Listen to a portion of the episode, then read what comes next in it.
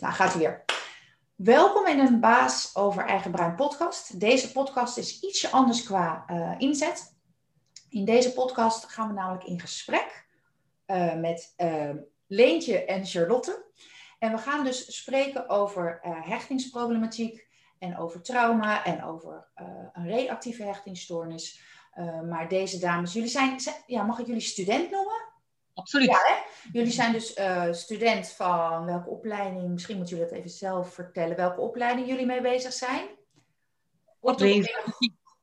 Ja, oh kijk, daar komt, daar komt onze heer aan. En um, nou, ik had de dames ook verteld van ik krijg heel veel verzoeken van uh, studenten die uh, met mij in gesprek willen. En uh, nou, het liefst zou ik natuurlijk iedereen willen helpen.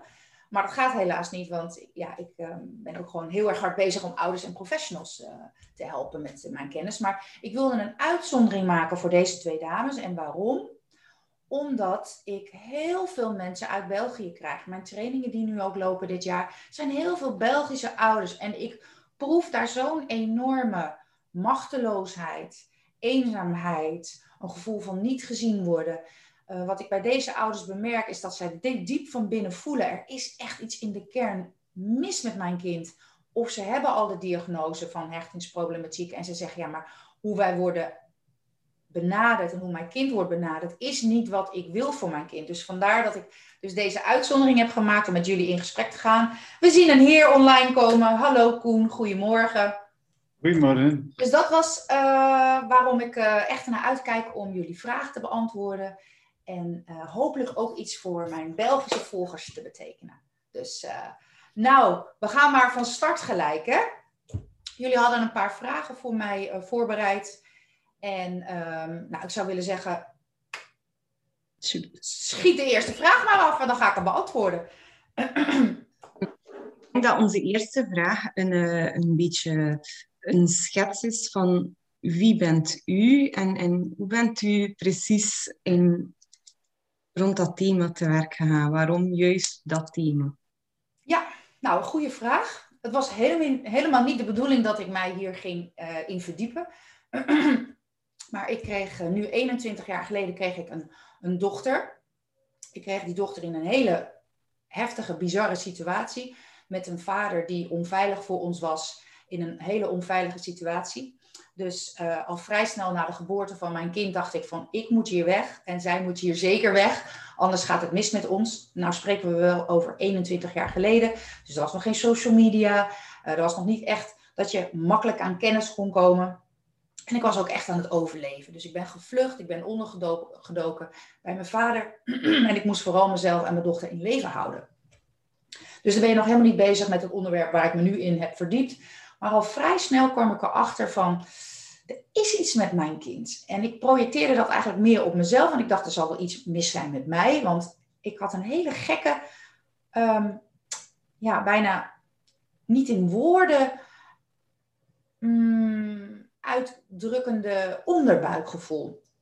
Nou, dan ga ik uh, eventjes een stukje vooruit. Op een gegeven moment wordt mijn kind natuurlijk ouder en heeft heel veel eigenaardig gedrag. En nog steeds in een periode dat ik nergens een soort kader kan vinden voor haar gedrag. Dat er uh, bijvoorbeeld een woord voor is of een diagnose voor is. Nou, mijn leven gaat verder. Ik ontmoet weer een man. Ik heb nog een, een zoon, krijg ik. Ja. Wat bedoelt u precies met het, uh, welk gedrag stelde ze dan dat u zich zorgen maakte? Dat is een hele goede vraag. Um, al op hele jonge leeftijd merkte ik dat mijn dochter zich niet heel erg met mij kon verbinden. Dat was eigenlijk nog, ik kan bijna wel zeggen, als hele kleine baby. Dus zij, uh, en ik wist dat niet, want het was natuurlijk mijn eerste kind. Mijn zoon, mijn hele veilig echte zoon, heeft mij doen inzien hoe het voelt als het wel goed is. Want kinderen die veilig gehecht zijn, die gaan um, uh, ja, ik, ik zeg dat altijd, versmelten met de ander. Je kunt elkaar vasthouden en je kunt elkaar knuffelen. En ik denk dat alleen ouders van onveilig gehechte kinderen dit echt goed snappen. Um, je voelt of er echt een versmelting van twee lichamen plaatsvindt, of dat het alleen een knuffel is. Nou, mijn dochter zag er voor de buitenwereld heel charmant en lief en aangepast uit. Maar de relatie die ik met haar had, was wel op basis van nabijheid. Dus ze ze voelde dat de wereld niet veilig was, zo jong als ze was. Dus ze bleef wel altijd in mijn buurt. Maar er was geen versmelting van twee liefdes met elkaar. Dus dat, ja, daar had ik natuurlijk helemaal geen woorden voor. Maar ik dacht wel van, oh, ze is wel altijd dichtbij me. Vaak veel te dichtbij. Maar uh, ik voelde niet die wederkerigheid. Dus die wederkerigheid um, die ik natuurlijk wel had vanuit mijn kant. En mijn moederliefde. En dat, zijn jullie, zijn jullie uh, is een van jullie ouder? Alle drie. Oh, alle drie. Uh, en zijn, jullie, jullie kinderen zijn hopelijk allemaal gewoon veilig gehecht? Ja. Ja, maar het gaat dus uh, het is nog bezig, voor de hechting. Ik verstond het niet zo goed, uh, Leentje. Wat het, is nog, het is nog maar één jaar en een half. Het is nog bezig, de hechting. Ja, precies. Ja, ja, ja, ja. Maar je voelt dus al als hele jonge uh, baby en als kind voel je al van er zit iets goed of er zit iets niet goed. En um, uh, nou, ik merkte dus vooral, maar ik had er dus nog geen woorden voor. Ze bleef wel bij me in de buurt. Maar er was geen versmelting. Totdat ik mijn zoon dus vier jaar later kreeg. En die, was, die is wel veilig echt. Dus toen wist ik van, ja, zo voelt het als het wel goed zit. we hadden even een klein voorgesprekje. Uh, voordat uh, Koen ook aanwezig was. En um, dat die ouders in België, die dus ook heel veel op mijn pad komen, die voelen dat dus ook. Hè? En dan gaan ze op zoek naar hulp. Of een kind zit al in een internaat. Jullie noemen dat een internaat. Wij hebben daar andere woorden voor. Uh, en dan, ja, dan gaan professionals naar je kind kijken van oké, wat is er nou precies met je kind aan de hand? Maar die ouders die weten dat eigenlijk al in, dat, in hun onderbuikgevoel, maar ze mhm. hebben nog geen woorden aangereikt gekregen. Nou, dat had ik dus ook. Nou, dan gaan we weer eventjes wat jaren verder. Uiteindelijk wordt het gedrag van mijn kind steeds eigenaardiger. En andere gezonde kinderen, dus veilig echte kinderen, die moeten die onveilig gehechte kinderen niet. Dus die onveilig gehechte kinderen die zijn of heel erg clownesk of heel erg agressief, of die gaan internaliserend gedrag vertonen. Dus op hele jonge leeftijd, en dat had mijn dochter, gaan ze dus ook al bijvoorbeeld zichzelf pijn doen. Of ze hebben al suïcide-uitingen. Dus dan heb je bijvoorbeeld een kind van zes dat al zegt, mama, ik wil dood. Dus als moeder, als je dat dus allemaal niet binnen een kader kan plaatsen,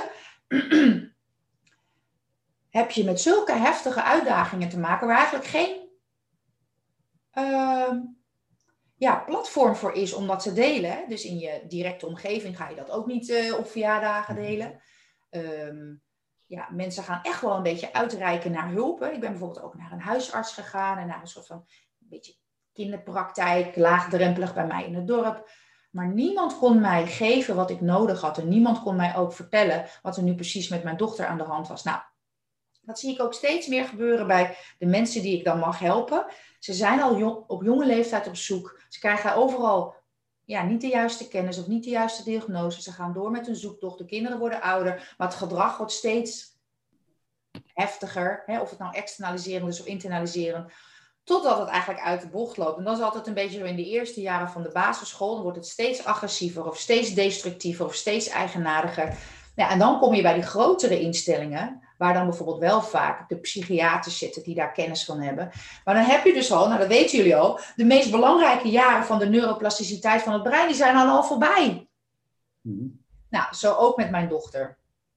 Uiteindelijk is mijn dochter dus twee jaar op dagbehandeling en dan denk je als leek, dan komt het allemaal goed. Maar na twee jaar kreeg ik dus de diagnose uh, nou, in ieder geval reactieve hechtingsstoornis, die kregen we al wat, uh, wat eerder natuurlijk. En toen zijn ze daarmee aan de slag gegaan. En ze had ook nog Gilles de la. En ook nog ADHD. En ook nog PDD-NOS. Dus het was zo'n hele alfabetsoep aan, uh, af, aan diagnoses. Maar wat hebben ze daar die twee jaar gedaan? Voornamelijk cognitieve en gedragstherapie gegeven. Dus ze zijn gaan kijken naar het gedrag. En het gedrag moest aangepast worden. Dus na twee jaar was er niet echt veel verbeterd. En kregen wij dus de prognose van, joh, zal nooit kunnen meedraaien in de maatschappij. Um, nou ja, gewone school, ga het maar niet proberen. Een normaal baantje of, of hè, iets wat leeftijdsadequaat qua activiteiten past. Nee, reken daar maar niet op. Maar toen was het voor mij het moment dat ik dacht, ja jongens, hier gaan we toch niet. meisje was acht. En we hadden nog heel veel problemen en het was heel zwaar. Maar ik dacht, ik ga toch niet al nu mijn kind afserveren. En dat was eigenlijk het begin van mijn zoektocht. Toen ben ik Toen kwam internet ook op. ik heb er spijt van dat ik geen glaasje water heb neergezet. maar uh, internet kwam een beetje op. En ik ben dus als een tijgermoeder ben ik gaan zoeken naar wat is nou precies aan de hand? En dat is eigenlijk het begin van mijn zoektocht en uiteindelijk ook, eh, ja, ik maak even mijn zin af. En ehm, mijn eh, bedrijf, eigenlijk onbedoeld een bedrijf en een business uh, gestart. Ja, Leentje. Voelde jouw dochter je ook aan? Had ze ook het gevoel dat zij niet helemaal goed in haar vel zat? Kon ze dat vertellen aan jou? Of, nee, nee. Dat jij, opmerkte? Nee, de meeste kinderen, helemaal, ik spreek ze natuurlijk nu bijna dagelijks, of uh, voornamelijk natuurlijk ouders en soms ook uh, volwassen uh, of jongvolwassenen. Um, ze weten diep van binnen wel dat er iets is. Mm -hmm.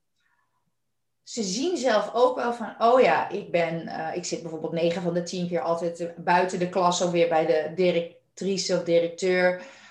maar ze kunnen dat nog niet op een manier bekijken zoals wij dat kunnen bekijken. Want ik weet, ik weet niet of jullie mij al vaker hebben gevolgd. Ik kom altijd met een paar attributen weer tevoorschijn. Mijn breintje. Dat neocortex is bij onveilig hechte kinderen natuurlijk niet goed ontwikkeld. Hè. Gaat veel te vaak uh, uh, offline of um, is heel moeilijk online te krijgen. Die neuroplasticiteit is niet optimaal. Dus ze hebben uh, vaak ook um, ja, achterstanden in die ontwikkeling. Dus ze hebben daar geen woorden voor. Maar diep van binnen voelen ze wel, ik ben anders. Het mooie is dat ik ook nu volwassenen uh, steeds meer op mijn pad krijg die zeggen van, je, je, je biedt hulp aan kinderen en aan ouders, maar ik weet ook niet waar ik naartoe moet. En als ik met die mensen in gesprek ga, die zeggen wel, ik wist wel al op hele jonge leeftijd, ik ben anders. Ik krijg het niet voor elkaar om vriendinnetjes of vriendjes uh, te maken. Iedereen wordt uitgenodigd voor het kinderfeestje en ik steeds niet. Um, dus ze weten dan wel, er is iets aan de hand, maar ze kunnen dat nog niet helemaal reflecteren en uh, hoe zeggen, contempleren zo, zoals wij dat uh, kunnen. Mm -hmm. Ja, goede vraag. Goede vraag. Ja. Dus je merkte als je zoon geboren was dat de, de relatie met je dochter echt wel heel anders verliep um, met je zoon. Hoe reageerde je zoon op um, heel die situatie, dat dat zo anders loopt met je dochter? Of merkt hij dat niet echt? Heeft hij dat niet echt opgemerkt? Uh, dat is een hele goede vraag en dat wordt niet zo vaak gesteld. Dus ik vind hem wel mooi. Uh, ik krijg mijn zoon als mijn dochter vier is. Uh, en mijn dochter gaat in dagbehandeling als ze zes is. Ik weet niet hoe dat in België is, maar in Nederland moet je echt iets ondertekenen van we gaan in dagbehandeling. Je krijgt dit plekje voor je dochter, maar dit betekent het voor jullie als gezin. Er is een kans dat jullie in uh, gezinstherapie moeten. Uh, er zijn in dagbehandeling bij ons geen vrije dagen, geen vakanties. En je moet overal actief aan deelnemen. Maar mijn zoon was natuurlijk anderhalf, twee dan. Even kijken, zeg ik dan nou goed? Ja, dus die was zeg maar twee. Dus dat was een kleine dreumes. Dus dan, ik ben gestopt met werken. Ik was zelf internationaal fotomodel, dus ik was heel veel aan het reizen. En ik had echt een hele leuke job die ik moest stoppen, want ik wilde natuurlijk mijn kind helpen. Dus het was voor mij sowieso best een, een opoffering. Maar ik moest dus met mijn kind, met mijn kleine zoon van twee, naar creatieve therapie, gezinstherapie, uh, individuele therapie. Uh, nou, als je twee ouders hebt die zorgen voor een onveilig hecht kind, kan je ook wel voorstellen, die zijn moe, dus die hebben op een gegeven moment huwelijksproblemen. Nou, dan ga je weer als uh, partners ga je weer hulp krijgen. En dat is, ik, ik zeg altijd, dat is een hele grote eer als je al die zorg mag krijgen. Maar dat ervaar je natuurlijk niet als je daarmee bezig bent. Dan is het gewoon alleen maar zwaar. Hm. En mijn zoon moest ik overal mee naartoe nemen. Dus die zat dan weer uh, onder de tafel te spelen als we die therapie hadden of die therapie hadden. En een, een kind op jonge leeftijd, uh, ja, our normal is his normal. Dus hij heeft dat allemaal gewoon verdragen. We hadden in, in die tijd hadden we nog wel opa's en oma's. Als, ik noem dat altijd mijn dream team. Dus we hadden in de weekenden hadden we het wel een beetje zo in elkaar gezet dat als mijn dochter weg was, dan was onze zoon bij ons. En dan konden we hem even optimaal aandacht geven. Maar hij merkte natuurlijk ook wel dat, um, ja, dat uh, zijn zus toen hij wat ouder werd anders dan Anne was. En op latere leeftijd heeft hij er ook echt wel last van gehad. Want mijn dochter heeft natuurlijk heel veel bijzondere dingen gedaan waar ik niet over kan spreken, maar je kunt het een beetje zelf invullen. En als de kinderen wat groter worden, en ze hebben een paar keer ook samen op eenzelfde school gezeten, ja, dan wordt hij natuurlijk aangekeken van, wat heb jij voor rare zus? En dat, dat is moeilijk. En voor, voor ouders is dat helemaal lastig, want je voelt je soms echt in die driehoeksverhoudingen uh, gevangen. ik, ik, kon dan bijvoorbeeld heel boos zijn op mijn kind. Ik dacht, jeetje, wat heb je nou weer gedaan? En dan, mijn zoon had er weer last van. En denk ik, ja, ja, ja, snap dan dat ze anders dan anders is. Dat kan niet, want dat, daar was hij nog te jong voor. Dus het is heel ingewikkeld. Hè? Als jullie ook echt met ouders gaan werken, uh, wat jullie natuurlijk waarschijnlijk ook gaan doen, of je krijgt in ieder geval met die ouders te maken. Die ouders die zijn zo'n topprestatie aan het leven op allerlei verschillende onzichtbare vlakken. Dus je wilt je man nog een beetje gelukkig houden, want ik had natuurlijk een, een dochter toen ik mijn tweede man ontmoette, waar ik mijn zoon mee heb. Dus aan de ene kant vond ik hem heel stom, want ik vond dat hij meer empathie moest hebben voor mijn kind. Aan de andere kant dacht ik, oh, ik snap wel dat het zo lastig voor je is. Hè? Want het was ook heel lastig. Of, of ik dacht ook wel eens, waarom ben je met mij? Want het is zo moeilijk met dat kind. Dus het is zo'n diversiteit, zo'n cacophonie aan allerlei situaties en emoties. Maar iedereen gaat een bepaald kopingsmechanisme ontwikkelen als je dus, pak ik even mijn andere symbool erbij, als dus uh, het hechtingsmonster je huis binnen is geslopen. Iedereen gaat iets onbewust is dat natuurlijk vaak een kopingsmechanisme ontwikkelen. Uh, dus dat kan bijvoorbeeld voor de veilig hechte kinderen zijn heel veel eten of heel veel gamen of uh, je onttrekken, onttrekken, aan een, onttrekken aan een gezinssituatie van, ah, weet je wel, liever bij, bij vriendjes en vriendinnetjes zijn. Dus ja, lang, antwoord op je vraag, maar hij heeft daar echt wel, het heeft hem gemaakt wie hij is. Ik zie nu wel, nu die wat, want hij is nu 16, nu hij wat ouder is, kun je wat betere gesprekken daarover uh, hebben. Uh, ik zie dat hij iets milder kan zijn op sommige momenten naast zijn zus. Maar dat komt natuurlijk ook omdat zij zoveel beter is. Ik denk als zij nog was zoals ze toen was, hè, als ze nog steeds is zoals ze toen was, dan, dan heeft een jongere daar gewoon geen empathie voor. Weet je, you're ruining my life. Uh, door jou uh, word ik aangekeken of wat heb ik voor rare zus. Dat is irritant, punt. Mhm. Ja. Um, je tweede man um, is erbij gekomen als je dochtertje dus al uh, geboren was. En je zegt zelf van, goh, wat een raar kind was dat. Hoe ervaarde jouw man dat dan op dat moment? Heeft hij dat ook zo uit te spreken? Van, um, het, is, het is lastig of, of ik zie dat niet zitten? Of, hoe, nou, hoe zijn jullie daar aan, aan de slag gegaan? Nou, mijn man, die, uh, wij hebben heel veel uh, uitdagingen gehad, zeg maar. Dus wij waren op zich sec wel heel erg gek op elkaar. Uh, maar ja, goed, ik had wel iets mee. Ik had een bonus cadeautje voor hem mee. En dat was natuurlijk een heel lastige cadeautje.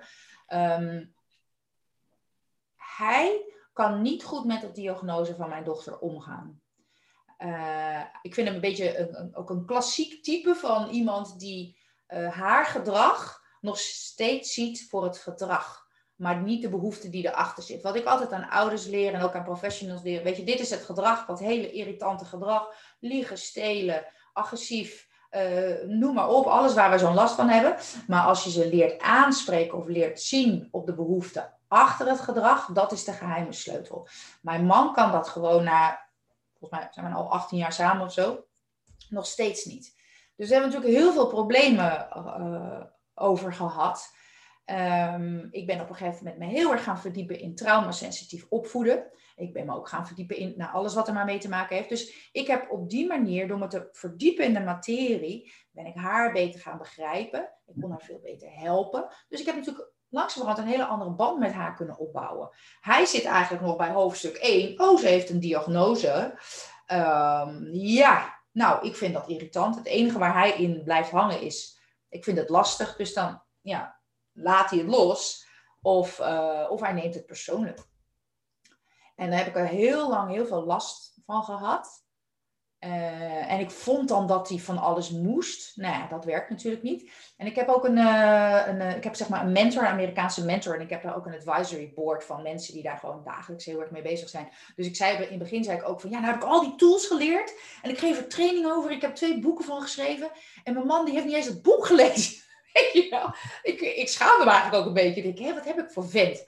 Dus toen zei ik, dat is ook in die advisory board, eh, advisory board in Amerika. En Nancy, mijn personal mentor daar, die zei ook, joh, zij, is getrouwd ook. Zij noemt haar uh, man haar cowboy. Dus mijn cowboy, hij, hij zegt gewoon, ik geef je alle ruimte en alle um, ja, mogelijkheden die je nodig hebt, geef ik aan jou. Maar ga niet aan mij vragen dat ik nog weer traumasensitief moet gaan opvoeden. Daar heb ik gewoon geen zin in. Dus dat heeft me echt wel gesterkt in het feit van, weet je wat? Dit is mijn missie, mijn journey. En ik deel het met zoveel mogelijk mensen. En dat mijn man het nog op de ouderwetse... En hij, hij doet ook nog steeds van, als hij dus iets doet waar hij het niet mee eens is, dan zegt hij, ja, en dan ga ik je telefoon afpakken, dan mag je week niet op je telefoon. En dan zegt zij, pap, ik ben 21, ik heb mijn eigen telefoon gekocht. Wat bedoel je nou? Dus hij is echt een beetje zo dan de onvolwassene in die, in die, in die ja, struggles die wij dan hebben. Dus dat is eigenlijk wel grappig. En, en, en waarom vind... En ik ben er heel open en eerlijk over. En, en ik denk dat mensen dat ook zo fijn vinden. Uh, want dan, hè, heel veel moeders die hebben veel meer strijdlust dan die vaders. Die vaders zijn ook, ook aan het geld verdienen. Weet je, die hebben ook andere stress. Misschien kan Koen erover mee praten. Die hebben op hun manier, zijn ze ook heel erg hard bezig om dat gezin staande te houden. Want we leven mm. best in een heftige wereld. En los van die corona gaan we het maar niet over hebben. Maar en, en wij vrouwen, we zijn, weer, we zijn meer aan het zorgen. En, en dan moeten we ook nog carrière erbij hebben. En dan moet allemaal sociaal moet het allemaal goed kloppen. Uh, en dan hebben we nog dat uitdagende kind. dus we zien ook vaak niet waar zij, wat voor uh, strijd zij leveren. Mm. Ik, ook, ik, ik, kan misschien wel ergens de, de, de man daarin begrijpen. Jij bent er heel hard mee bezig. En is dat niet ergens compensatie van even, jij weet er veel van, hij weet er veel minder van. Jij bent er zo hard mee bezig dat hij misschien ergens een compensatie zoekt van even, kan dat niet? Um, ik, ik, denk, nou, ik zit even te kijken, want ik, ik uh, want ik zat te kijken over welke periode stel je die vraag aan mij. Uh, want als je het hebt over mijn hele heftige jaren, wat er dan gebeurde, hè, dan uh, had ik dus inderdaad al een hele moeilijke dag op zitten. Dus ik had stoom uit mijn oren. Mijn man had ook gewoon had een eigen bedrijf toen ook nog. Uh, nou, ook al keihard gewerkt, die komt thuis. En die komt natuurlijk nog thuis in de utopie van, nou, de, de, de pantoffeltjes staan klaar, het eten is gekookt. Ah, heerlijk, ik kom weer thuis. Maar dan komt hij thuis en dan was ik, ja, dit en dat, just, Ja, dat, hè, dat is wel, heb ik natuurlijk allemaal tussen haakjes fout gedaan. Maar nu ik me zo verdiept heb in die materie, ben ik degene die veel meer dingen kan laten. Ik ben traumasensitief gaan spreken naar mijn kind. En ik zie het gedrag wat ze laat zien voor wat het is. Maar mijn man staat nog, ja, een beetje, een beetje respect voor je vader. En, dus nu is het eigenlijk een beetje omgedraaid. Maar je hebt wel, je hebt wel gelijk. Um, als je nog op de ja, conventionele manier aan het opvoeden bent in de moeilijke jaren, dan kunnen mannen meer eventjes dempen. En die vrouwen die zijn al lang al ontploft aan het einde van de dag. En dan heb je dus een totale mismatch. Ja. Ja. ja. Dat is normaal, hè? Goed dat we een man aan boord hebben. Eventjes, uh, ja. nou, sowieso. Waar zijn al die mannen? He, want er zijn natuurlijk heel veel onveilig gehechte jongens. Externaliserend gedrag. En dan komt er dus een vrouwelijke energie, die komt even traumasensitief benaderen. Ik heb liever Koen bij mannen. En dan hebben ze veel meer ook een soort van referentiekader. En mannen hebben gewoon een andere energie om zich heen. Ik vind dat echt een gemiste kans ook in, uh, in de hulpverlening. Het zijn toch voornamelijk dames. Ja. Niet dat ik jullie minder belangrijk vind hoor, dames. Maar uh, ja, ik vind het altijd goed om ook bijvoorbeeld een leerkracht, eh, een, een leraar te zien in plaats van heel veel leraressen heb laatst ook een grote boeking, uh, of tenminste een grote opdracht afgerond in Noord-Nederland.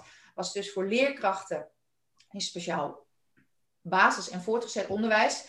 Ja, dan heb je misschien twee mannen en de rest allemaal vrouwen. En ik vind die mannen juist zo cool. Net wat jij zegt, Koen. Die hebben net een iets andere mindset. En net een iets andere e-, energie. En die is gewoon verfrissend.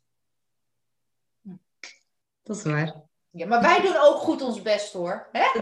Diversiteit is altijd interessant. Die als er verschillende invalshoeken zijn, dat is altijd interessant. Dat dan, ja. Dat, ja. Um, we zijn al heel tijd bezig over zo probleemgedrag en, en van, uh, van uw dochter. Maar zijn er ook dingen dat ze zeer goed kan? Of dat zij passies in geeft? Of dat zij wel goed in, in uitblinkt bijvoorbeeld? Oh, wat een goede vraag! Dat leer ik ouders dus ook altijd. We kunnen kijken naar wat er allemaal misgaat. Hè? Het liegen, het stelen, manipuleren en, alles altijd maar uh, verpesten. En ik zeg altijd tegen ouders, in elk kind zit een talent. Zonder nou een beetje verzweverig te doen. En soms is dat talent heel klein.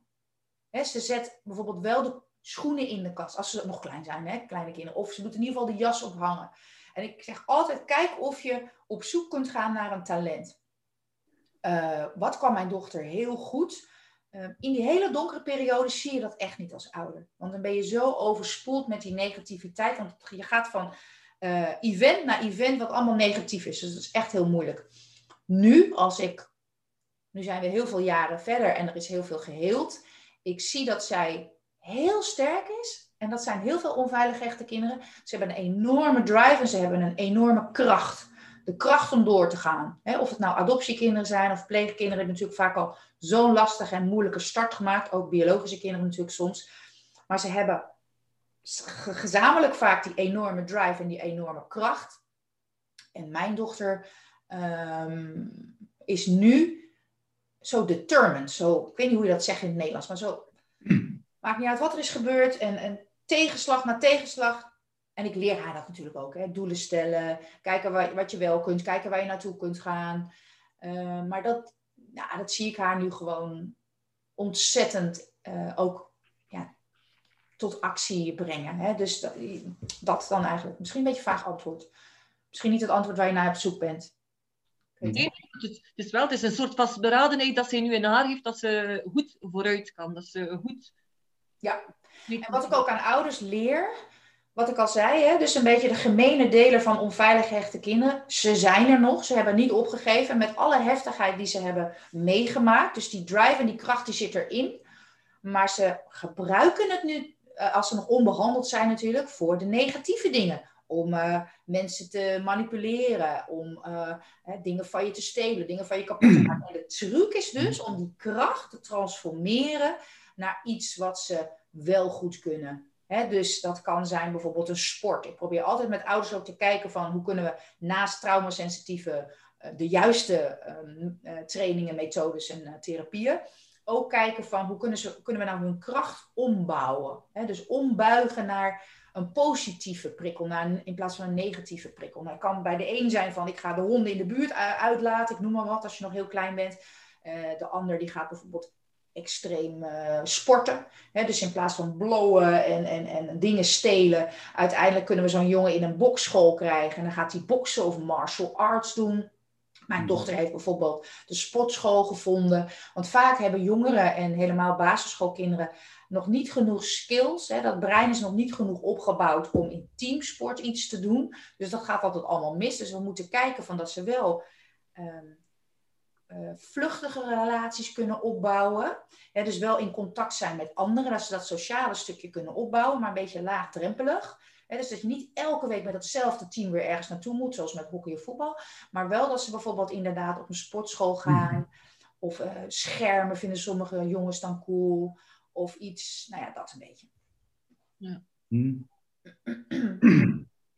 Dus um, een van uw hobby's eh, een van de hobby's van uw dochter is dan ehm, die sport dat ze gevonden heeft. Ehm, ja. Of, of mag ik dat niet zien als een, als een hobby? Een uh, uitlaatklep. Nou, het is, het is meer een... Wat, sorry, Koen, wat zei je? Meer niet als puur als de sport, maar als een uitlaatklep.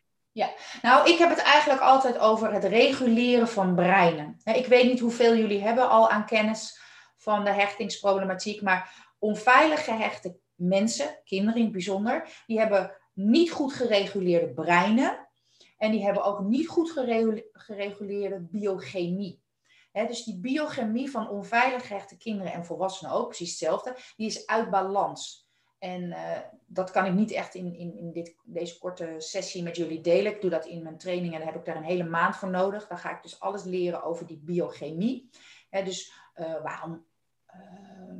Uh, hoe noemen we dat? Waarom, waarom komen die vriendschappen niet goed tot stand en kunnen ze die behouden? Er zit ook een biochemische disbalans aan ten grondslag. Dus dat gaat over oxytocine en serotonine en over de aanmaak ervan en over het. Nou, dat is een heel een beetje te uitgebreid verhaal.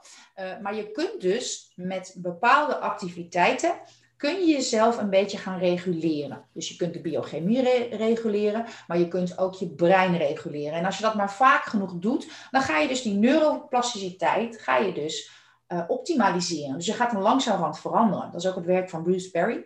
Bruce Perry heb ik ook als een soort van uh, lijn. Ik heb een klein dun lijntje met Bruce Perry. Hij heeft ook mijn voorwoord geschreven van mijn boek. Maar Bruce Perry is echt een van de grote Amerikaanse trauma-experts. en die uh, is eigenlijk begonnen als een traditionele psychiater. En die is er langzamerhand achter gekomen dat als je op een met getraumatiseerde mensen te maken hebt, heb je gewoon iets heel anders nodig dan voor die andere diagnoses. En een van die dingen is dus dat je heel veel en regelmatig wil reguleren. Dus als je maar vaak genoeg dat brein gaat reguleren, dan heb je meer kans op een, uh, ja, een goed, uh, ja, het, het, juiste gedrag van een persoon.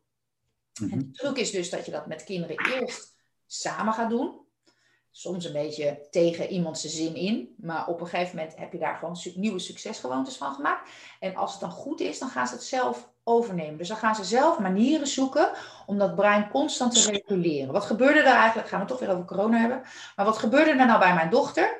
Ze heeft heel veel achterstanden ingehaald. Hè, want ze heeft me dus 13 jaar niet aangeraakt. Ze heeft de eerste 10 jaar niet gesproken. Hè, dus niet, niet woorden gebruiken om te verbinden. Wel woorden gebruiken om iemand uh, af, te, uh, weet je, beetje af te branden. Of om een verzoek te doen. Ik heb honger of ik heb dorst. Maar woorden gebruiken natuurlijk ook om te verbinden. Onveilig echte kinderen die gebruiken woorden niet om te verbinden. Maar om dingen gedaan te krijgen. Hè, dus ze, is nu met het inhalen van al die achterstanden bezig.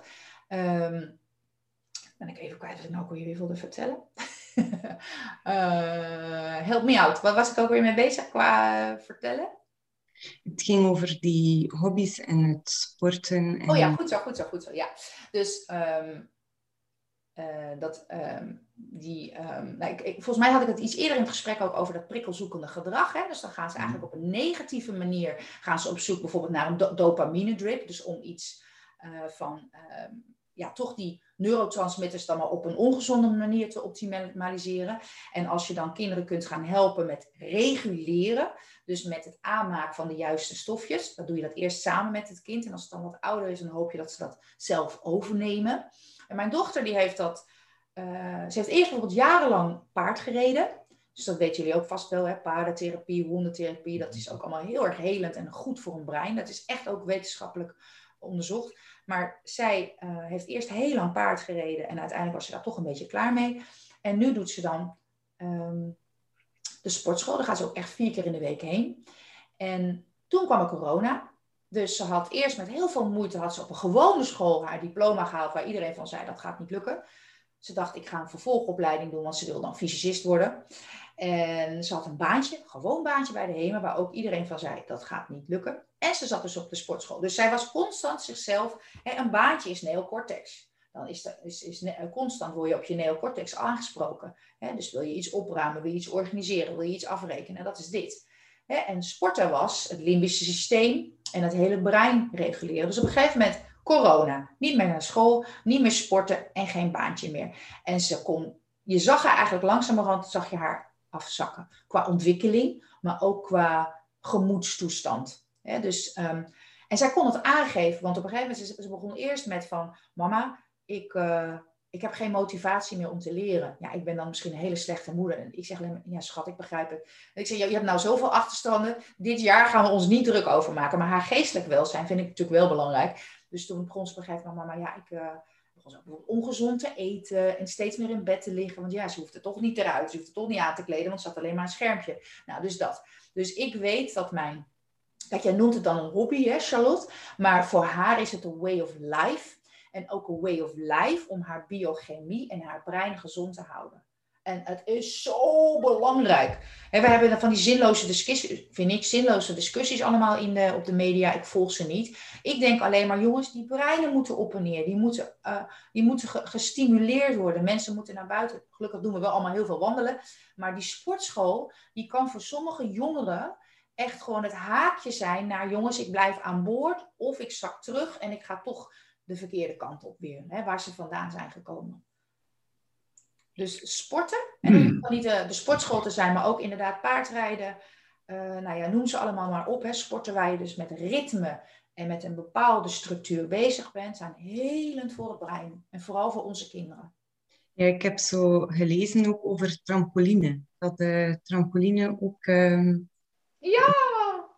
Ja, als ik ouders begeleid met mijn uh, Healing in huistrainingen, um, ik, het eerste wat ik ze altijd vertel, we gaan met breinschakelaars in de weer en breinregulatiemethodes, maar het eerste wat ik ze altijd vertel is, we gaan de woonkamer of het huis, gaan we traumasensitief inrichten. Dus we gaan alles uithalen wat van waarde is. Hè? Dus dan hoef je niet zo hysterisch door dat huis te lopen als ze weer een woedeuitwassing hebben. Hè? Dus de dure schilderijen en de dure kristal gaan we gewoon eventjes in de garage zetten. Maar er komt een trampoline. En er komt, als de kinderen het aankunnen, een bouncybal. En ik heb soms ouders die hangen bijvoorbeeld zo'n heel groot, uh, hoe noem je zo'n uh, zo'n grote schroef in een balkon of uh, op het plafond. En dan hebben ze van die zakken erin hangen, van die, of, ook echt een hangmat. Nee, natuurlijk van alles hè, qua sensorische ervaringen. Maar we willen zoveel mogelijk de kinderen op zintuigelijke manier gaan, gaan dempen. En die trampoline, die is magisch. Ik, leg het heel vaak uit hoor, dus uh, misschien heb je het al gehoord. Maar wat doen we met baby's als ze niet goed gereguleerd zijn? We pakken ze op en we gaan heen en weer bouncen. dat hoef je eigenlijk niet te leren als ouder, dat is een soort oerinstinct. Maar wat we nooit hebben begrepen is natuurlijk, wat zijn we nou eigenlijk aan het doen? Het voelt goed. Wij vinden het fijn om dit zo te doen. En het kind wordt er rustig van. Heb nooit, ik heb daar nooit over nagedacht. Nu weet ik, we zijn net als op die trampoline, zijn we die kinderen aan het reguleren zonder woorden. Hè? En wat doen we bijvoorbeeld als de kinderen wat ouder zijn, als ze kunnen lopen en kunnen praten?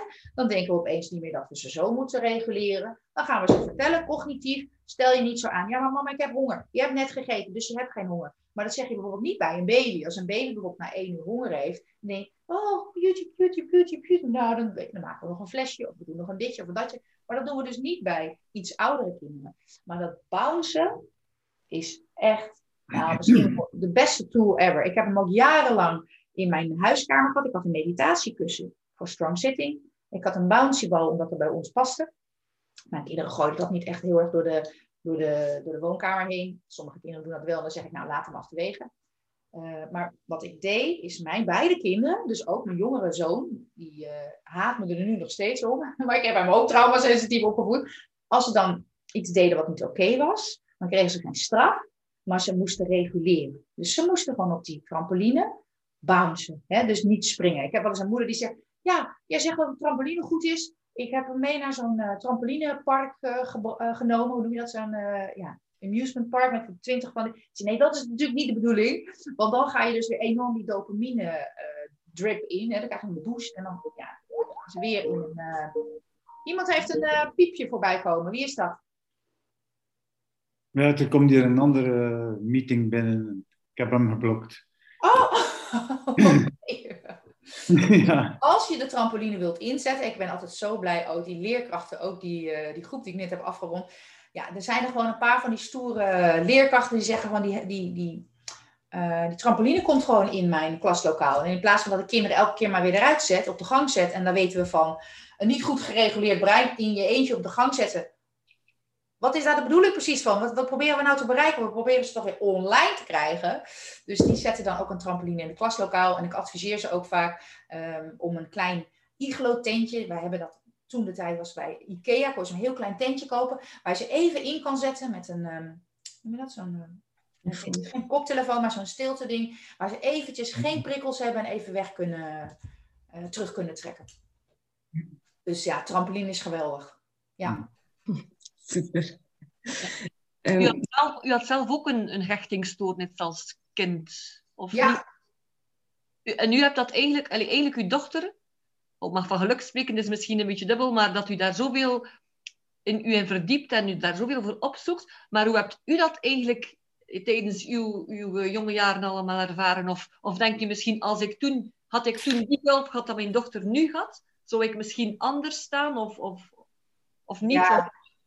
Dat is wel een hele grote vraag. Ja, sorry. Uh, nee, nee, niet sorry zeggen. Nee, je mag je vragen stellen die je wilt.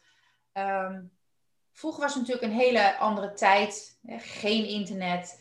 Uh, volgens mij waren er niet eens boeken over hechtingsproblematiek. En je gaat zo niet zoeken als je niet weet dat het woord bestaat. Uh, ik heb heel veel, ja, best wel heftig trauma meegemaakt op mijn, in mijn jonge jaren. Ehm, ik denk dat mijn reddingsboei wel een beetje mijn vader was. Mijn vader was wel een hele liefdevolle vader. Alleen in die tijd waren die vaders er niet. Mijn vader werkte gewoon zes dagen in de week. Op het moment dat hij er was en mijn moeder, uh, mijn moeder zat bijvoorbeeld op volkstoneel, want we wonen in een klein dorpje. En als mijn moeder dan op volkstoneel was, was ze in ieder geval een hele avond weg. Dan maakten wij er altijd een feestje van. En dat waren wel mijn haakjes waar ik nog iets aan kon uh, verbinden. Maar voor de rest was het bij ons heel erg overleven. Ik heb ook mijn hele leven lang gedacht dat ik een beetje een gekkie ben ook. Dus vriendschappen vind ik lastig. Uh, en succes eigenlijk ook. dus ik, ik, heb best wel een, een, succesvolle carrière gehad ook hiervoor. En ik heb dat nooit zo ervaren. Dus dat is heel raar. Dat leven wat je leeft en de perceptie die je hebt over dat leven, die zitten heel ver uit elkaar. Maar ik had wel natuurlijk die drive. Ja. En wat mij had geholpen was, uh, uh, mijn thuissituatie was heel onveilig. Uh, en mijn moeder had me trouwens ook op, uit huis gezet. Dus op een gegeven moment moest ik bij een vriendje van mijn moeder van mijn vriendje wonen. Maar daarin had ik wel altijd die drive van, ik, ga, ik wil toch iets maken van mijn leven. En, en ik was niet bang om iets aan te pakken om, om aan te gaan dus als iemand mij vraagt, joh, wil je naar New York om, om daar te werken en te wonen, zeg ik oké, omdat ik toch niks in Nederland te verliezen had. En dat maakt je ook wel wie je bent. En ik wist dus helemaal niet dat ik onveilig gehecht was. Ik wist wel dat er heel veel heftige dingen waren gebeurd. En ik vond mezelf altijd een beetje niet passen op deze wereld. Dus ik, heb, ik, kan, ik kan enorm overvallen worden door eenzaamheid. En dan kan ik dat cognitief kan ik dat wel benoemen dat het niet waar is, maar dat zit gewoon in mijn core. Dat is een soort bijna opgesloten in zo'n, bijna in mijn DNA, dat ik me zo eenzaam voel. Omdat ik natuurlijk dat herken van thuis. En als je onveilig gehecht bent, denk ik ook dat je bepaalde partners aantrekt. als ik ook kijk wat ik aan partners heb aangetrokken, het zijn altijd of ex-verslaafden, of uh, uh, met een geheime verslaving, of een beetje nar narcistische inslag. Dat is natuurlijk mijn vibe, mijn trilling van wat ik aantrek. Ik denk als je heel veilig gehecht bent, trek je ander soort mensen aan. En dan uiteindelijk kom ik erachter dat mijn dochter onveilig gehecht is. Heb ik nog niet de koppeling gemaakt. Pas veel verder zie ik, oh maar wacht eens even. Dit gaat ook over mij. En toen kreeg ik wel een bepaalde mildheid naar mezelf en kon ik iets liever zijn voor mezelf. Dus dan ga ik bijvoorbeeld eens een keer een dag iets voor mezelf doen. Iedereen zegt altijd, ja, je bent altijd met anderen bezig en je moet ook dingen voor jezelf doen. Dan denk ik, wat moet ik nou voor mezelf doen? Ik heb geen idee. Dus dat, uh, ja, het is wel een heel, ik vind het een heel interessant avontuur om dat allemaal uit te zoeken. Ja, doordat u zelf die ervaring hebt en uw dochter, wat vindt u belangrijk dat een begeleider of een hulpverlener uh, zeker rekening mee moet houden? Ja, ik vind dat ook eens een goede vraag.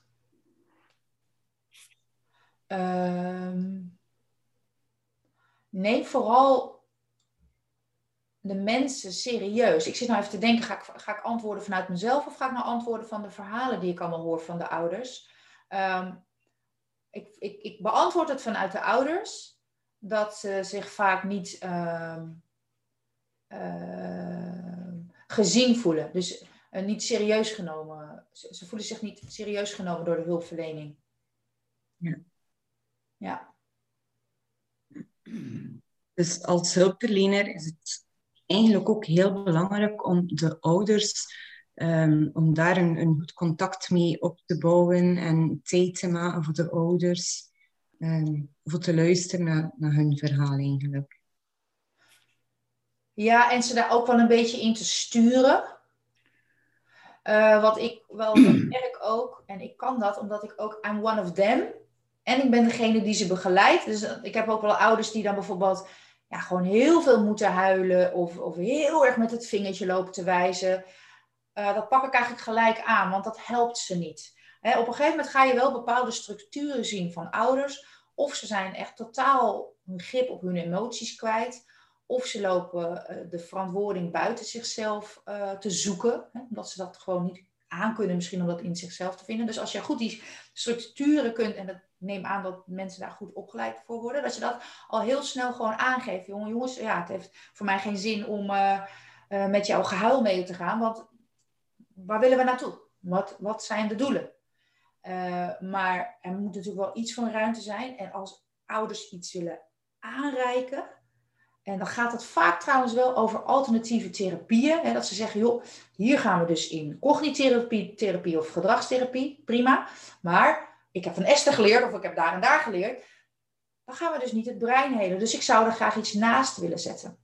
En wat ik dan heel vaak hoor is dat ze uh, in die ruimte met die persoon alleen te maken hebben met dat stukje kennis. dus dan gaan we of alleen speltherapie of alleen cognitieve therapie doen. En die ouders die hebben natuurlijk al heel veel uren extra uh, verdieping en, en studie gedaan. Dus die weten best wel, ik denk dat mijn kind ook neurofeedback nodig heeft. Of ik heb behoefte aan, aan EMDR voor mijn kind. Kunnen we dat onderzoeken? En ik merk dat daar vaak een beetje stress ontstaat. Want die therapeut is bijvoorbeeld speltherapeut, die weet niks van EMDR of die weet niks van neurofeedback. Dus dat past dan niet in het plaatje. En dan krijg je een beetje frictie.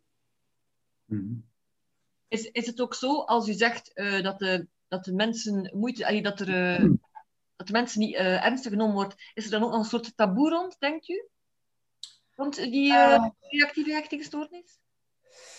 Ehm, ik denk, ik zou het niet willen omschrijven als taboe.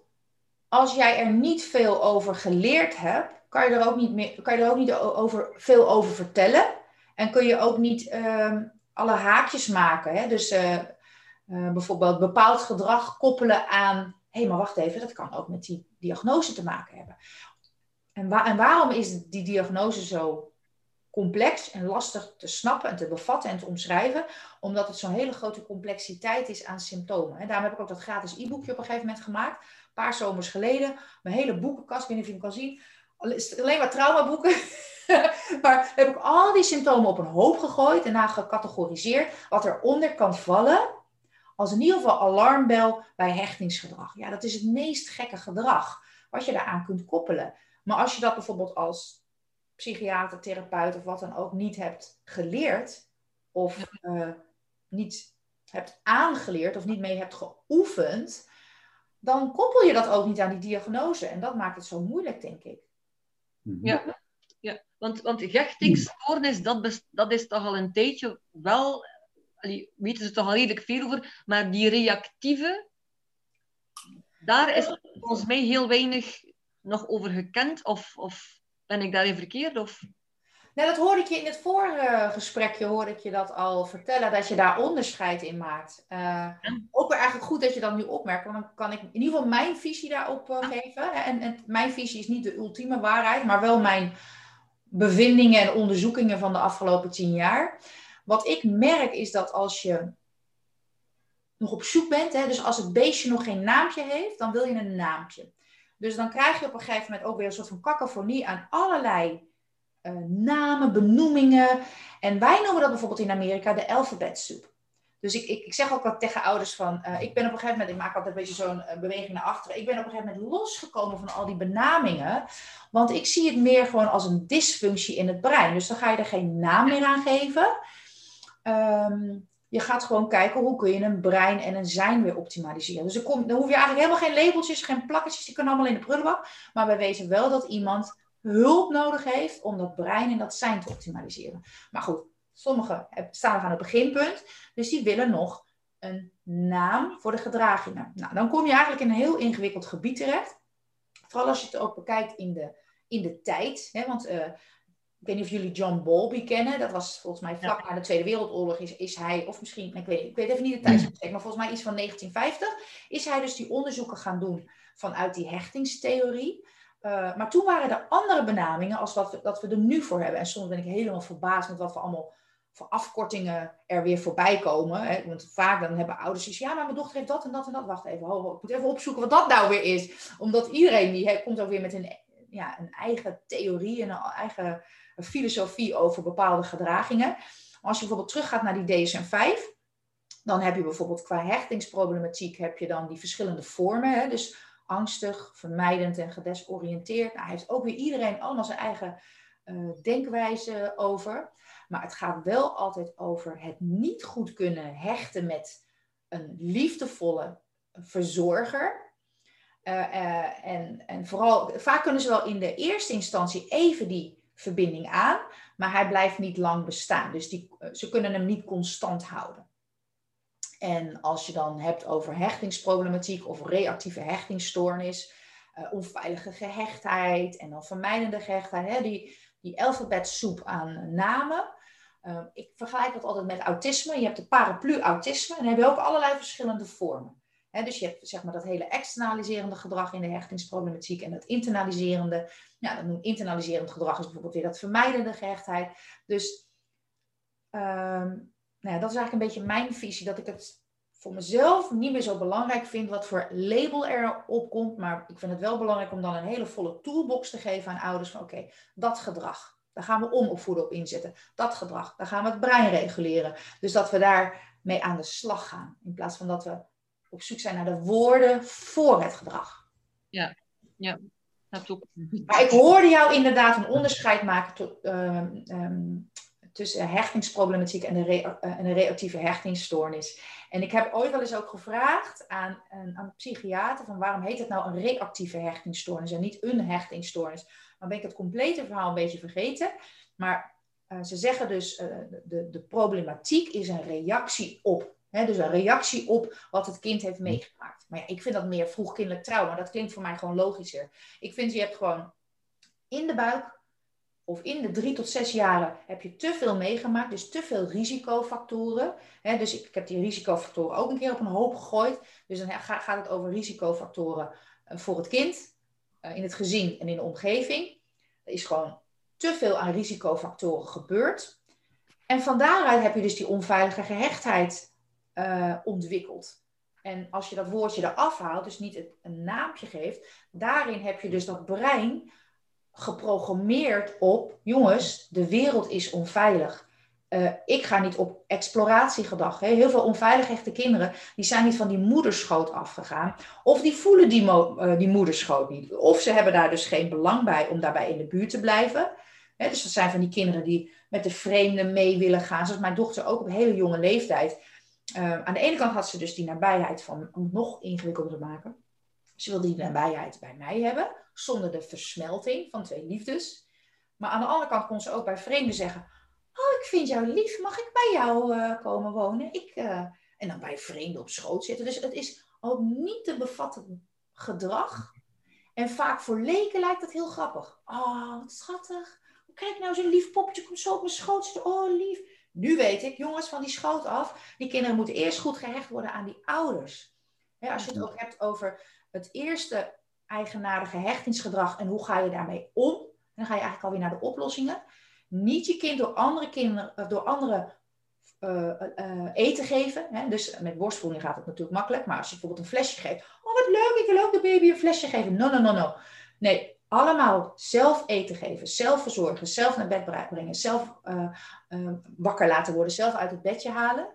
En um, het liefst zoveel mogelijk op je dragen. Waarom? We willen eerst dat die band met de volwassenen, de liefdevolle volwassenen, verzorger wordt uh, opgebouwd. Maar die kennen ze helemaal allemaal niet. Dus we vinden het zo grappig dat ze sociaal aangepast zijn. En al bij de eerste schooldag ging gelijk bij de juf op schoot zitten. Oh, wat fijn, wat makkelijk allemaal. En dan zijn ze straks uh, richting puberteit en dan zijn ze totaal ontspoord. Waarom? Omdat ze mhm. eigenlijk nog niet aan ouders zijn gehecht.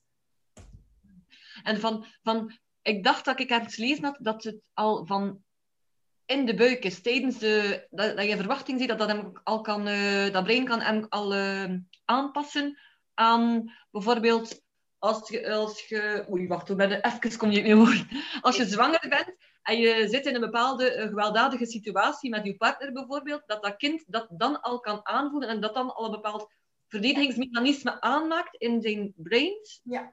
En van wanneer is dat dan al vanaf zes maanden of toch niet vanaf drie hmm. maanden? Zo, dat is bijna toch niet. Of vanaf dat het ontwikkelt misschien.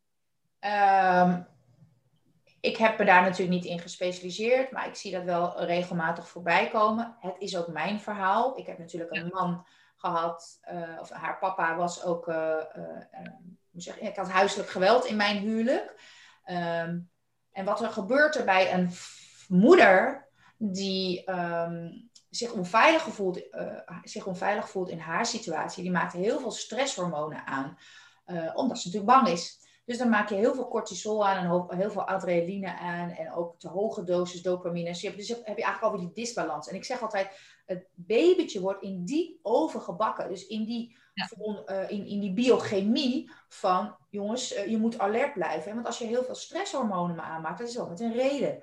En dat is omdat jij dus als overtuiging hebt, als kernovertuiging, de wereld is onveilig.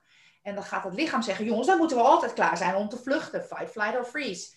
Maar van binnen maak je dus heel veel, onder andere ook die cortisol aan. Die cortisol is dus ook heel erg slecht. Want dat is een soort verzurendachtig stofje, die ook voor uh, het brein van moeders, uh, maar ook bijvoorbeeld uh, voor ouders die zorgen voor die onveilig gehechte kinderen ook heel slecht is. Dat kan ook op latere leeftijd ook echt cognitieve functies omlaag brengen.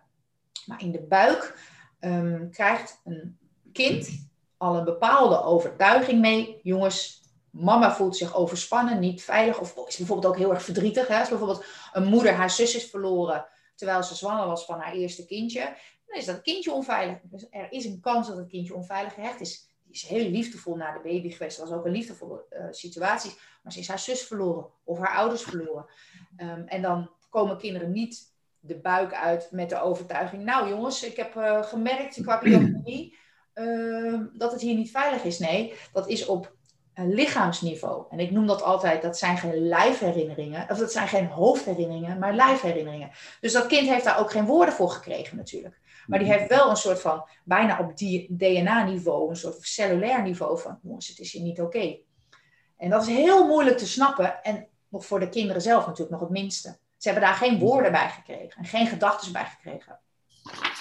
Ja. Uh, wat ik uh, ook wel hoor in, in je verhaal is dat echt super belangrijk is dat de baby, de mama, um, heel veel geplaatst wordt, dat de mama de baby eten heeft. Um, heeft de papa ook een, uh, een rol in dit verhaal? De papa is nooit leuk hè, dat het alleen maar over mama's gaat. Kijk, van origine, ik ben op een gegeven moment natuurlijk zo in uh, aan het verdiepen. En uh, uiteindelijk kwam ook de Stanford University op mijn pad. Dus ik heb daar ook weer wat trainingen gevolgd. Online trainingen waren dat. Uh, maar die hebben bijvoorbeeld ook, ook, die gaan dan kijken, dus ook eigenlijk weer een beetje meer uitzoomen. Hè, van uh, papa's willen natuurlijk ook een soort van, ja, ben ik ook nog, heb ik ook nog een, een doel of een, een, rol hierin. Maar als je wat breder bekijkt in de overleving als diersoort. vroeger leefden we natuurlijk als jagers en verzamelaars dus die vaders hadden natuurlijk een hele andere rol. Die hadden ook een andere biochemie, want die moesten dus op, uh, op, uh, ja, op jacht om eten en, en uh, nou, voornamelijk dan beesten te schieten en terug te brengen. En de dames maakten daar dan um, op hun manier eten van en hadden dan bijvoorbeeld, ja, dus waren op zoek naar ander soort eten. Ja, maar er was nog een hele duidelijke rolverdeling. De moeders kregen kinderen en verzorgden die kinderen en die vaders hadden een hele andere rol. Nou hebben we natuurlijk een hele andere wereld. Dus de ouders, gelukkig maar, hè, dus vader en moeder hebben een veel meer gelijkwaardige rol. En natuurlijk speelt de vader ook een rol in de hechting van een kind, natuurlijk. Maar hij heeft het kindje niet gemaakt. Dus uh, als bijvoorbeeld moeder, noem maar wat, hè, die, dat ene voorbeeld wat ik net gaf, moeder verliest haar zus. Dus is dus heel erg verdrietig. Dus maakt heel veel cortisol aan en heel veel ja, heeft gewoon rouw, is ook een andere biochemie. Daar krijgt het kindje natuurlijk iets van mee. Als je dan natuurlijk een hele lieve, stabiele man naast je hebt, kan, je uh, kan, kan man, kan moeder reguleren. dus als moeder heel veel verdriet heeft en heel veel rouw heeft, maar er is een hele liefdevolle partner, kan hij dat brein en die biochemie ook weer van zijn vrouw um, reguleren. Waardoor hij wel een band, uh, dat hij, dan heeft hij wel een functie bijvoorbeeld in, in die situatie.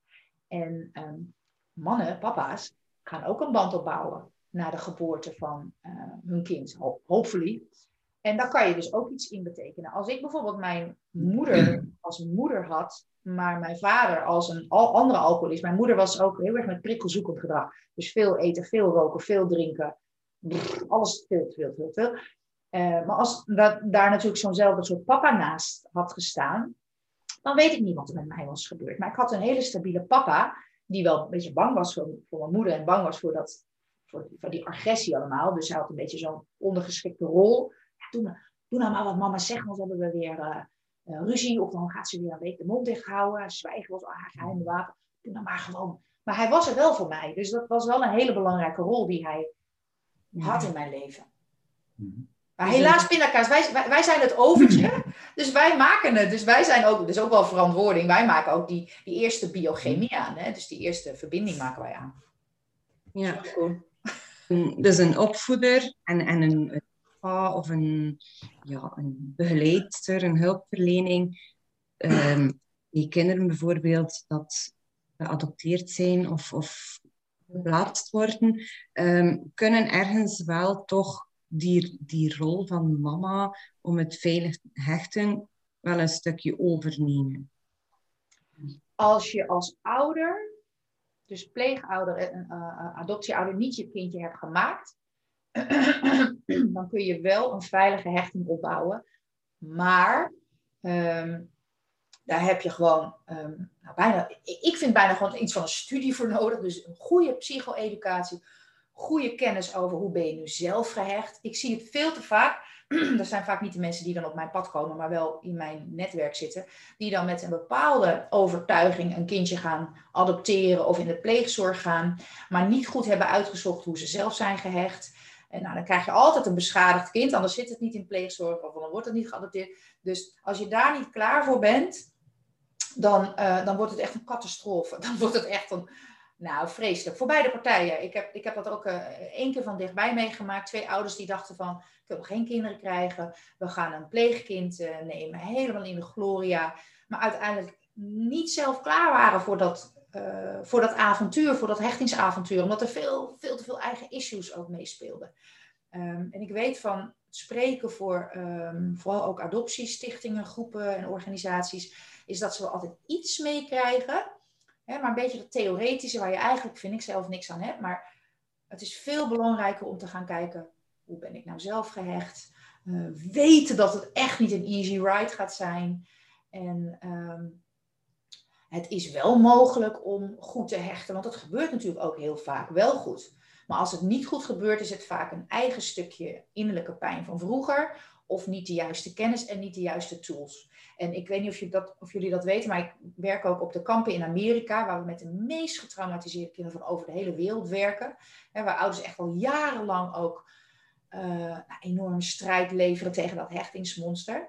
Maar als ze dan met de juiste tools gaan uh, aan de slag gaan, dan zie je eigenlijk al binnen een hele korte tijd enorme veranderingen. Ik had toevallig, had ik er gisteren met mijn zoon over. Ik ben ook naar zo'n Healing Hearts camp geweest. Mijn dochter werd toen 16. En uh, ik, nou, dat was op mijn pad gekomen en ik kon dus mijn man ook meekrijgen naar dat kamp. En we zijn naar dat kamp gegaan. En um, dat heeft toen zoveel voor ons uh, betekend. En um, ja, het is wel grappig, mijn zoon die, die had het erover. Die zei, dat was echt mijn, rotste week ooit in mijn leven. Want ik had hem natuurlijk meegenomen. Maar nu raakte hij toch een beetje geïnteresseerd. Zei, ja mam, ik, ik zou het eigenlijk wel leuk vinden om dan een keer als een ninja daar naartoe terug te gaan. Want hij wilde toch wel ook op een andere manier dat kamp een beetje meemaken. En uh, toen hebben we er ook over gesproken. Weet je, hoe was dat nou dat kamp? En toen ging ik er ook weer een beetje over nadenken. En dan zie je ook dat die kinderen komen bijvoorbeeld op zaterdagmiddag komen ze aan.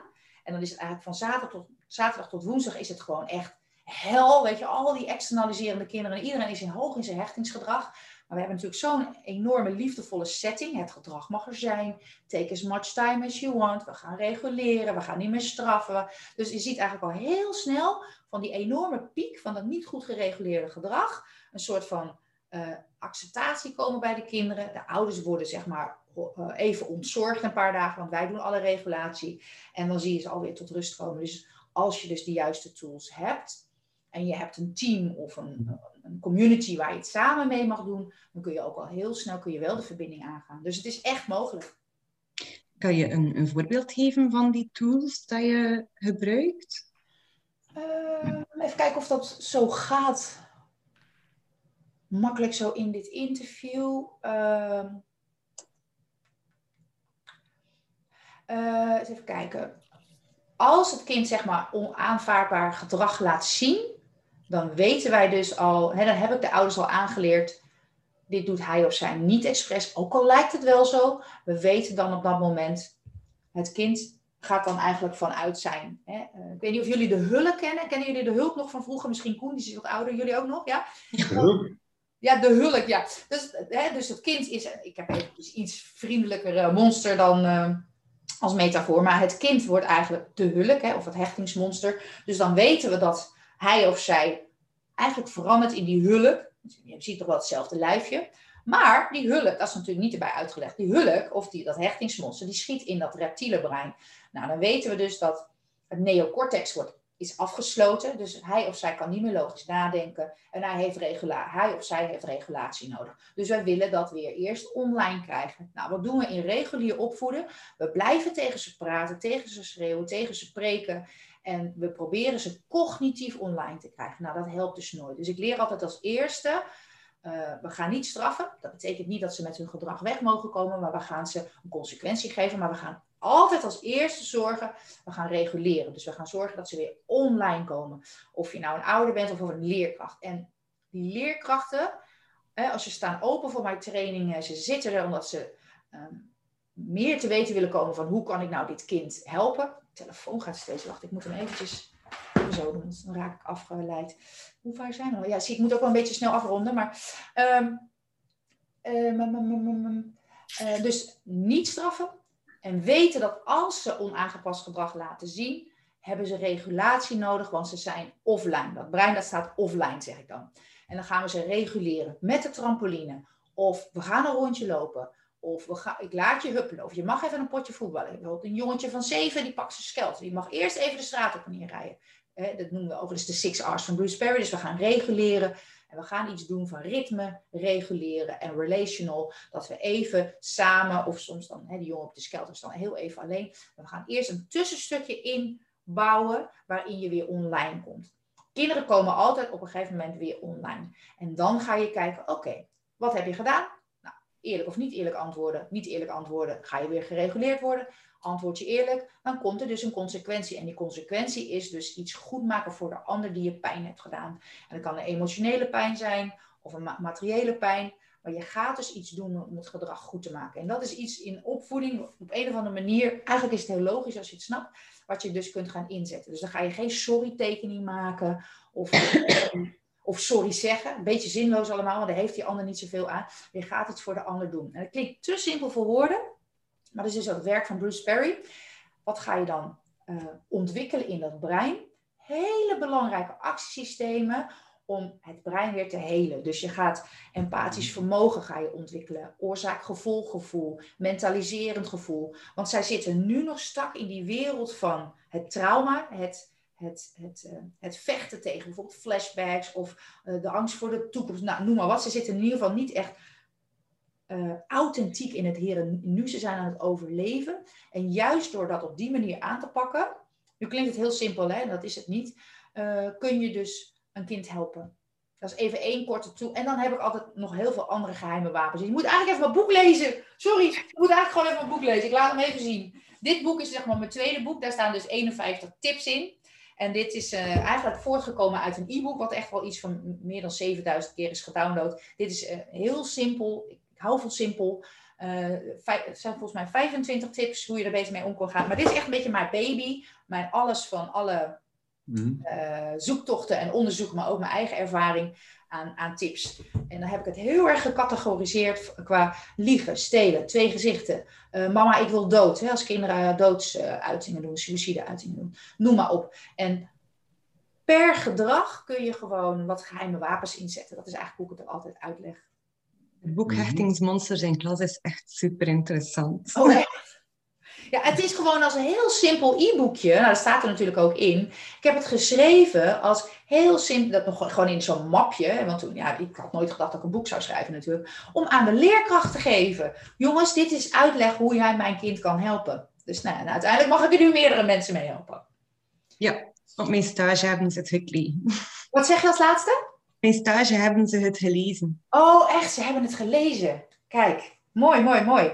Ik zie wel dat we een beetje aan de tijd zitten. Ik wil nog wel iets van extra tijd geven, maar ik weet dat ik ook wat andere dingen nog heb staan. Dus vandaar dat al die telefoontjes nu uh, gaan komen. Misschien, nog een, laatste, misschien nog een laatste vraag dan. Um, wat zijn de belangrijkste tips die je aan de hulpverleners kan meegeven om zo goed mogelijk uh, aan de slag te gaan? Wow. zware laatste vraag. Wat zijn dit allemaal voor vragen, dames? Zeg maar Belgische, Belgische vragen. Nee hoor. Ehm, nou ja, ik zou bijna willen zeggen... Ga niet met hechtingsproblematiek aan de slag. Wil je nog één keer vragen herhalen, Charlotte?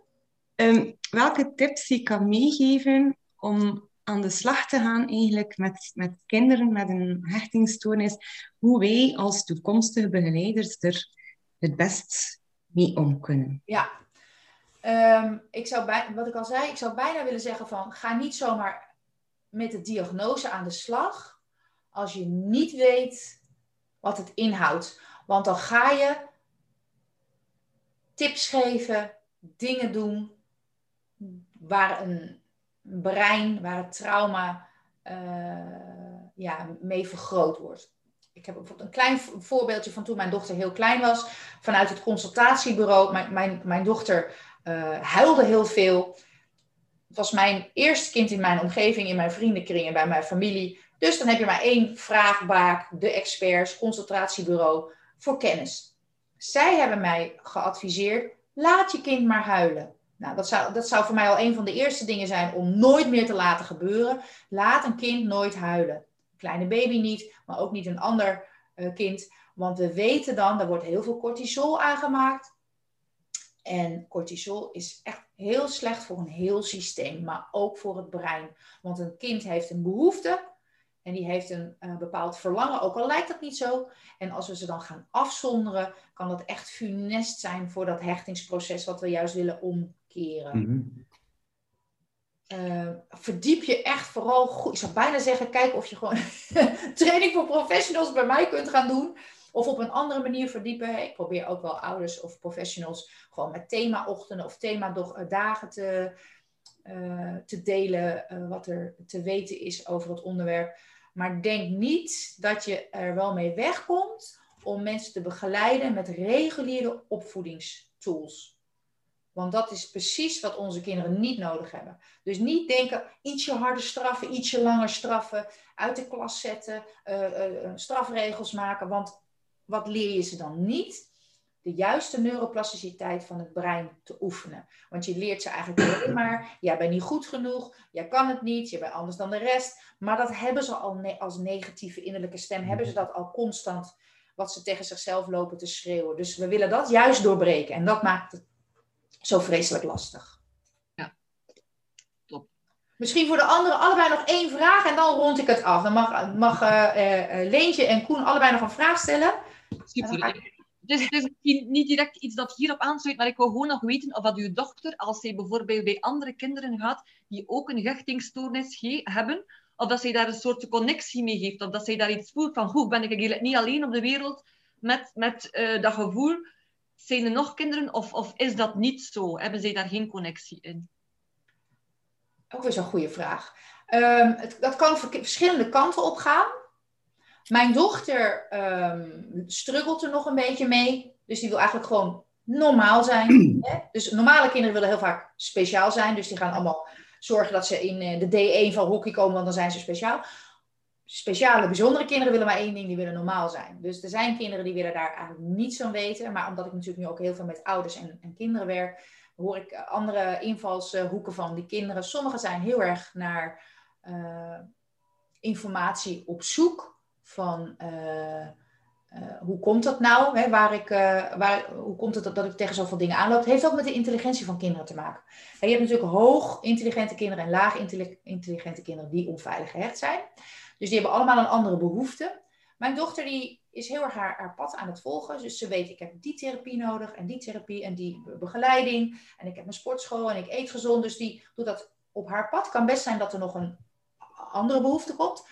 Uh, maar er zijn ook wel kinderen die vinden het fijn om het beter te snappen. Mama, hoe komt het nou dat, ik, dat het steeds niet mislukt? Hoe komt het nou dat ik geen vriendjes heb? Daar heb ik ook een boekje voor gemaakt in de jaartraining. Dat heet Baas over eigen brein werkboekje. Dus dan kun je op een laagdrempelige manier kijken van wat er nou misgaat. Maar ook op een laagdrempelige manier kijken um, hoe je jezelf kunt helpen. Als je bijvoorbeeld iets opvoelt komen Dan ga je niet uh, alles en iedereen uitschelden. Je gaat even op die boksbal. Of je rent even naar buiten. Of je neemt een mm. glas water. Of je gaat op de trampoline. Dat vinden kinderen al heel fijn. En misschien vind je dit ook interessant. Ik heb dus ook een baas over eigen brein podcast. En ik heb twee volwassenen geïnterviewd. Uh, ze staan niet op YouTube, want ze wilden niet, natuurlijk niet met beeld. Maar op mijn uh, podcastkanaal bij iTunes en Spotify. Er zijn twee dames. Volwassen dames geadopteerd uit China en uit Taiwan. Maaike is het roetsmeisje en de andere die heeft een gedichtenbundel geschreven, Indra Hageman. En zij vertellen dus als volwassenen, inmiddels volwassenen, hoe hun uh, hechtingsavontuur is geweest en nog steeds is. En er is niet echt één kant-en-klaar antwoord. Iedereen is weer op zijn eigen pad daarmee. Ja. Een hele, hele goede vraag. Misschien heeft Koen nog uh, een last but not least. Koen nog een vraag? Um, nee, ik denk het niet. Ik, ik, heb ook al geleerd als je met vrouwen aan het praten bent, dat je zelf niet veel kan zeggen. um, maar het was zo boeiend en zo uitgebreid. Ik heb zoveel geleerd. Oh. Uh, maar ik, ik denk dat ik voornamelijk eerst in beide boeken eens grondig ga doornemen. En denk dat ik dan op de meeste vragen wel antwoorden ga vinden. Van nu zit mijn hoofd al redelijk vol. Oh, goed zo, goed zo. Zeer, zeer, zeer interessant. Hartelijk dank voor het uh, fijne interview. Het echt Jullie ook interessant. Heel veel geworden voor mij, toch? Ik zou ook echt uh, jullie willen vragen of jullie willen uitnodigen. Juist, dat was de reden waarom ik het heb gedaan. Hè? Omdat het natuurlijk de Belgische hechtingspossie is. Uh, deel het vooral in je netwerk. Hè? Want het is zo belangrijk dat het beter bekend wordt. En ik vind het echt bijzonder, bizar, dat ik zoveel Belgische mensen in mijn training heb. Dat zou niet zo moeten zijn ik vind het leuk, want ik vind het heerlijk hoe jullie spreken. En ik word met u aangesproken. maar uh, het zou niet zo moeten zijn. Dus ik, uh, ja, ik hoop echt gewoon een zaadje geplant te hebben dat dat ook bij jullie op de kaart komt te staan in België. Ik ben ervan overtuigd dat dat zo is. Yay! Heel erg bedankt, dames en heren. En uh, nou ja, als er nog wat Ehm, andere vragen zijn of dingen die nog even een beetje blijven hangen, mail me. Dan kan ik die nog even voor je beantwoorden. Als het een hele interessante vraag is, maak ik er gewoon weer even een korte video van. Dat is ook echt mijn manier van werken. En daarom heb ik jullie gewoon online samen laten komen, want dit is niet alleen maar interessant voor jullie, dit is ook interessant weer voor andere studenten, uh, voor ouders. dus ik ben altijd heel erg online zichtbaar, omdat ik dat belangrijk vind. Om het met iedereen te delen. Ja, doen we. Zeker. Oké. Okay. Dank u wel, Piet. Prima, en uh, bespreken of we mailen elkaar vast wel weer ergens. Oké. Ja, top. Dankjewel. Dankjewel. Bye bye. Dankjewel. Bye.